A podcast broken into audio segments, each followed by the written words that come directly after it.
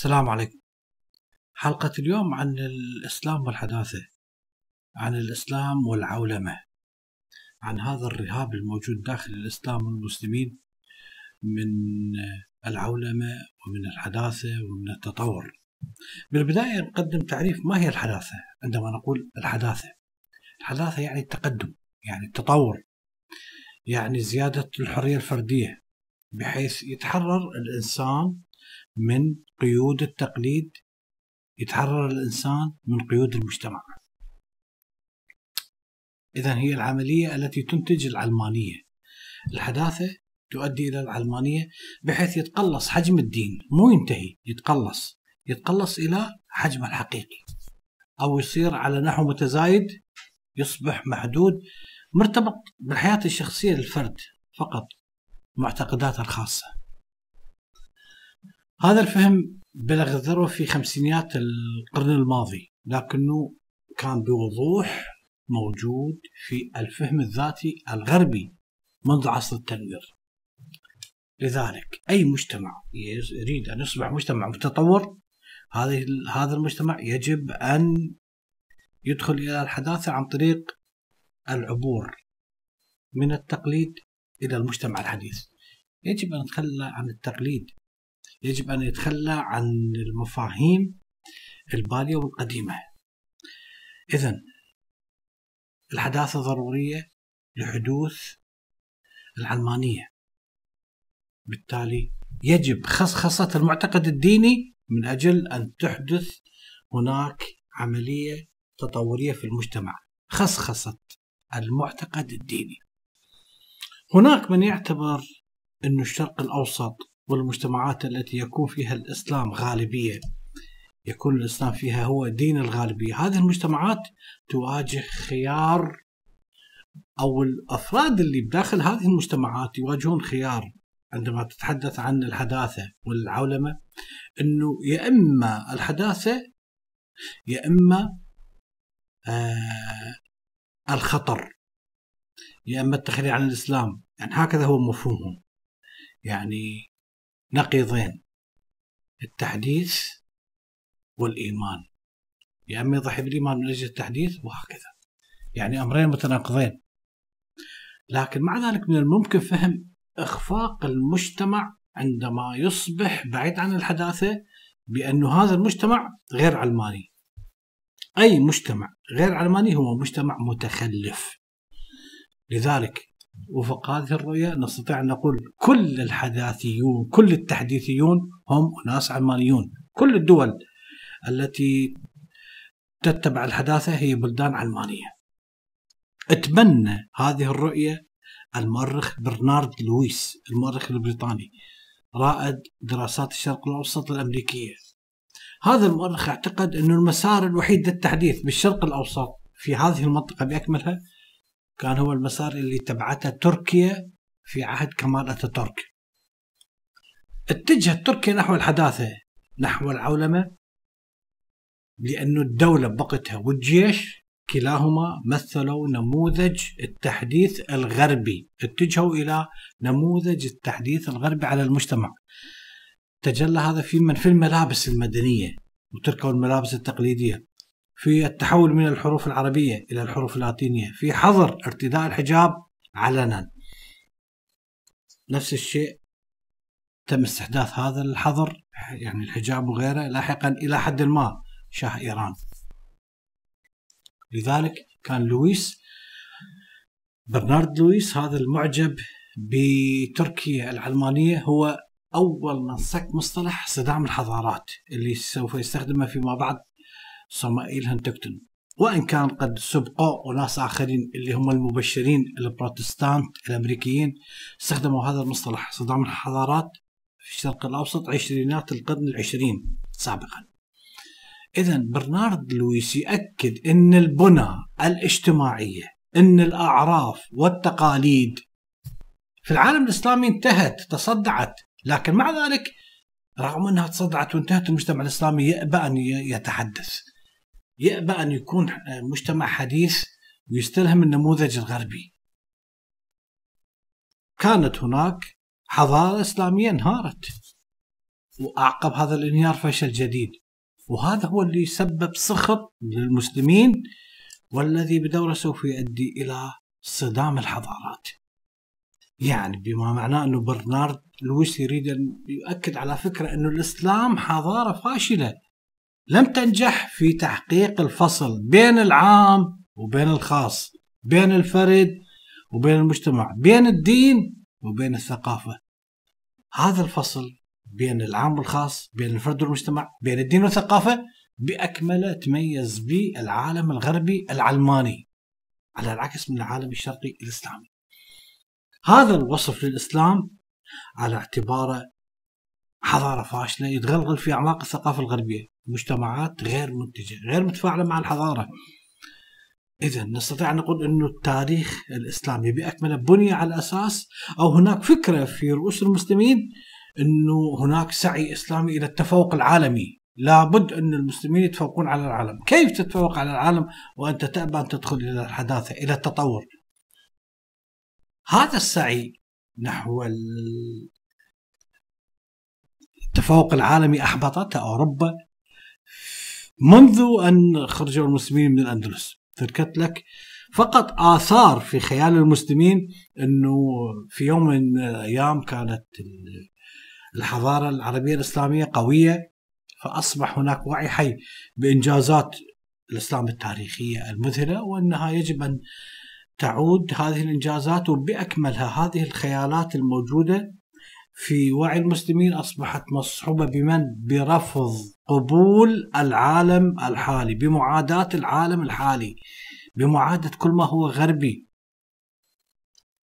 إذا سيكون عندنا معظم علماء الاجتماع يفهمون أن هناك حركات اجتماعية بدأت في بداية القرن الماضي على اعتبارها حركات علمانية تحديثية هذا بدأ متى؟ بدأ بمجرد نهاية الحقبة الاستعمارية بدأت هناك حركات علمانية زعامات قومية علمانية. مثل جمال عبد الناصر في مصر جبهة التحرير الوطني بالجزائر حزب البعث في سوريا والعراق منظمة التحرير الفلسطينية بأكملها. هذه آه، حركات قومية علمانية. وبقت هي تمثل الراية القومية والعلمانية إلى حدوث الهزيمة النكراء نكسة حزيران 1967 انتصار إسرائيل على الدول العربية. بعدها سوف تأتي حقبة أخرى بعد انتهاء الحركات القومية سقوطها من أعين الناس سقوطها من المجتمع سوف تأتي حركات أخرى لديها معايير اللي هي أسلمت المختلفين. يجب أن العالم بأكمله يصبح مسلم. يجب أي إنسان يؤمن بالإسلام يجب أن يؤمن بالإسلام. إذا الإسلام حل محل من؟ الإسلام حل محل القضايا العروبية القومية اللي كانت مقترنة على سبيل المثال حزب البعث وجمال عبد الناصر. هذه الحركات الإسلامية هي حالها حال الحركات القومية تستر بغطاء المقاومة القومية قاوم الهيمنة الأجنبية والاستعمار والولول إلى آخره. وبالتالي رفضت لك كل ما هو غربي، رفضت لك الدخول في العولمة، رفضت الحداثة. وطبعا عندما يكون هناك اتجاه ديني من أجل تحشيد الجمهور. هذا الحراك سهل جدا أسهل من الأحزاب القومية واليسارية. لماذا؟ لأنه أصلا ما يحتاج المناضل الاسلامتشي اللي منتمي للاخوان المسلمين أو هاي الأحزاب الدينية. ما يحتاج إنه تفهمه يعني في حالة إنه كان يساري على سبيل المثال لازم تفهم المفاهيم التأسيسية الهيجل وماركس وجون لوك. لا لا هو المجتمع الإسلامي يعني بالفطرة مفردات المفردات البديل الإسلامي موجودة عنده. يفهمه مجرد تقول له محمد بن عبد الوهاب قال كذا كذا كذا. ابن تيمية أحمد بن حنبل أبو اعلى المودودي سيد قطب وهكذا. هاي الأمور مفهومة المفردات. فمو صعبة عليه. مو صعبة عليه. يعني بالتالي هذا الاستحواذ على غطاء القومية من قبل الأحزاب الدينية هذا الاستحواذ سوف يكون مناهض للإمبريالية، لذلك أنت اليوم على سبيل المثال تشوف مثلا بالعراق حكموا حزبين، حزب قومي حزب البعث وحزب ديني حزب الدعوة، كلاهما نسخة واحدة. كلاهما وجهين لعملة واحدة، معاداة الغرب، معاداة أمريكا الصهيونية، العداء للعالم الغربي آه، وهكذا نفس القضايا بالضبط. هذا الخطاب كان يسيطر عليه القوميون العلمانيون والحركات اليسارية بالضبط يعني كأنه أمر حصري لها ثم أصبحت النزعة الإسلامية أكبر حركة اجتماعية على الإطلاق معادية للعلمانية معادية للعولمة معادية كل شيء حديث وتناظر ضد العالم الحر بأكمله ضد العالم المتطور, المتطور. إذا من هاي القضايا من هاي الرؤية نستطيع أن نقول أن الإسلام يعبر لك عن هوية ثقافية وكذلك قومية بنفس الوقت الإسلام سوف يعبر عن تفضيل للأداة التقليدية من أجل تحقيق التغيير الاجتماعي. لكن هذا بأكمله راح يتجسد بأحزاب سياسية إخوان مسلمين وغيرهم. هذه الحركات الدينية هي بأكملها عبارة عن رد فعل ضد العولمة وليست أحزاب أصيلة بحد ذاتها. كيف؟ سوف تصادر كل هذه المفردات مثل مفهوم الله الأمة الأسرة المجتمع على اعتبار أنه هاي المفردات يقدمون نواميس خالدة لا يمكن أن تخترق ويبنون عليها هجوم مضاد يعني هذا بالضبط تحديدا دفاع عن المجتمع دفاع عن الثقافة ضد العولمة ضد كل شيء حداثي على أثر هذا ما الذي سوف يحدث بسبب هذا التلقين الذي تقوم به الجماعات الإسلامية في رأس الأمة الإسلامية والعربية؟ المجتمعات المحلية سوف تنشئ جيوب دفاعية من أجل حماية نفسها من الحداثة، من أجل حماية نفسها من الغرب، من أجل حماية نفسها من العولمة. يعني هناك حركات عالمية مثل حقوق الإنسان، مثل النسوية، مثل البيئة، وهناك حركات دفاعية مثل الإثنية مثل القومية مثل الدنيا الحركات الدفاعية دائما مناهضة للحداثة للتطور للعولمة والسلطوية بنفس الوقت فالعلاقة بالنسبة لهاي الحركات الدفاعية تتخذ لك شكل غير قابلة لل... على سبيل المثال إنه الرأي والرأي الآخر بل يجب طاعتها ويجب اتباعها. هذه بالضبط هي الأصولية. ما هي الأصولية إذا أريد أعرفها؟ الحقيقة أن الأصولية هي ما مرتبطة فقط بالديانة الإسلامية. الأصولية موجودة في كل الأديان والمذاهب والقوميات والأعراق. الأصولية تقليد هذا التقليد متشرب بالدماء مولع بالقتل من حيث المبدأ. حبيس آه، القومية أو حبيس الدين المتطرف اللي اللي وجد به. لذلك الأصولية التقليد يدافع عن نفسه. في عالم صعب جدا الدفاع عن تقاليد بالية أصلا بطريقة تقليدية صعب. الأصولية هي تقليد بغيض جدا يرفض الحداثة ويرفض كل شيء متطور. اذا سوف يواجه هنا مقابلة بين الحداثة وبين التقليد بين المجتمع المحلي والمجتمع العالمي بين المواطنة العالمية وبين الأصوليين. مقابلة بائسة بالنسبة للي يتبنون الأصولية. إذا الإسلام في بدايته. في بداية الإسلام نشأ كحركة عالمية لكن بعد ذلك حدثت انتكاسات به بالقرون التالية وانتهى. انتهى شيء اسمه حضارة إسلامية أو قوة إسلامية أو غيرها.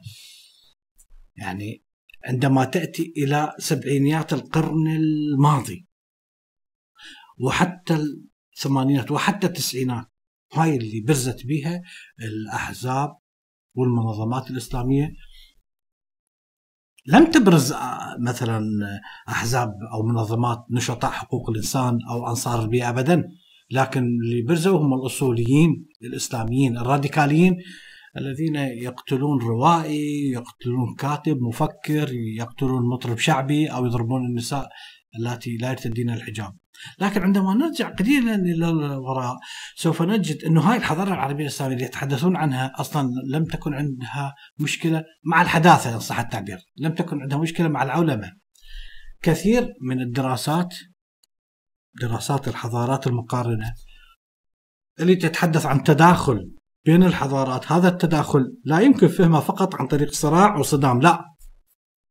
تداخل بين الحضارات. فهؤلاء مؤرخو الحضارات المقارنة يبرزون أهمية اللي حظى بها هذا التبادل بين الحضارات بأكملها على مر التاريخ.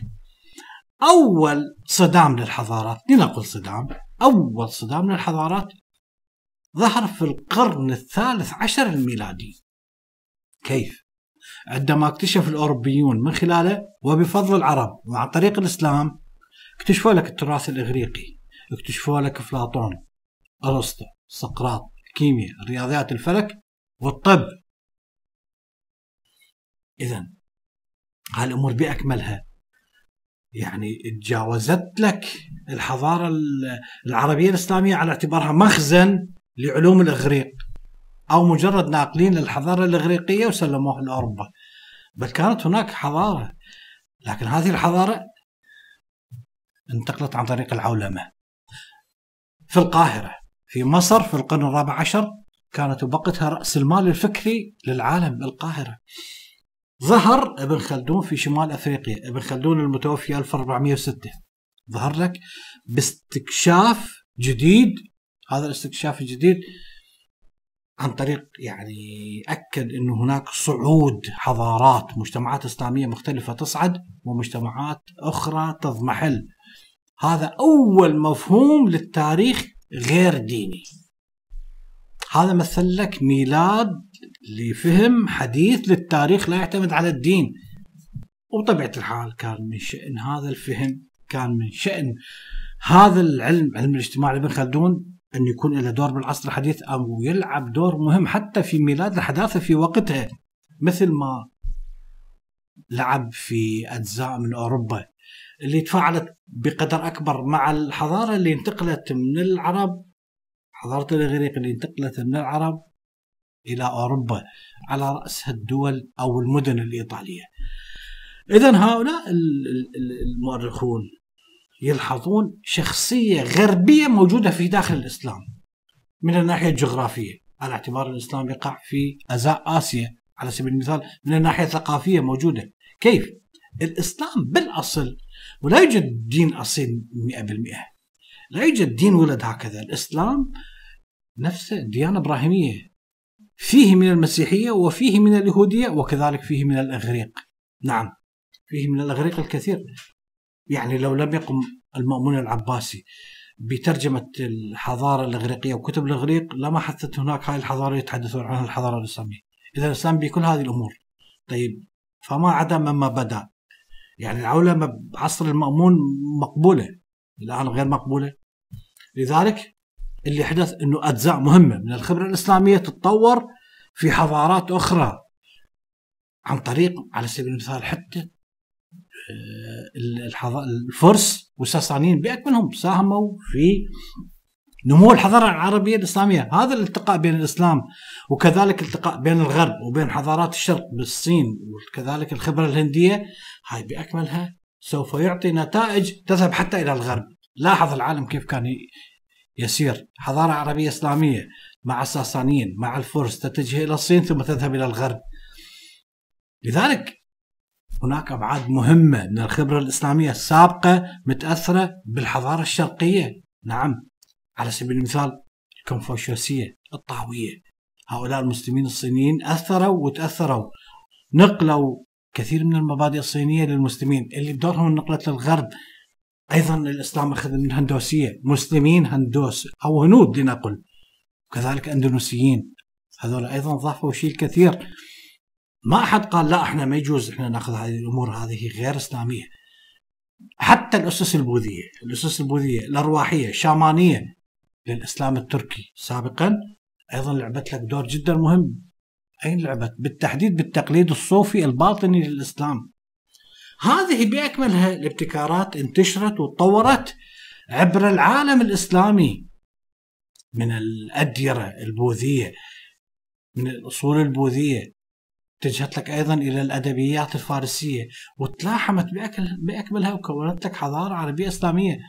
حتى الإيغور هؤلاء المسلمون الموجودون في أقصى غرب الصين هؤلاء على سبيل المثال هؤلاء تميزوا بشيء أخذوا من الطب العربي وأخذوا من الطب الإغريقي مزجوهن وأخذوا من الأسلوب الصيني لعلاج الأعشاب.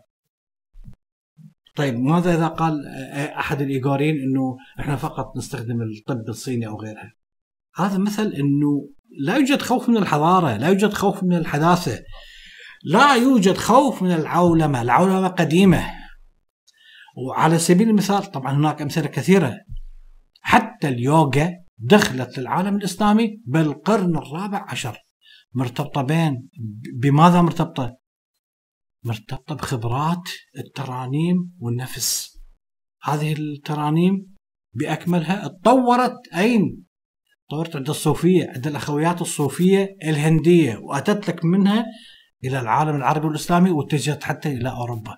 انتشرت بأكملها الممارسات الصوفية اللي بدأت لك هناك في في الصين وفي الهند.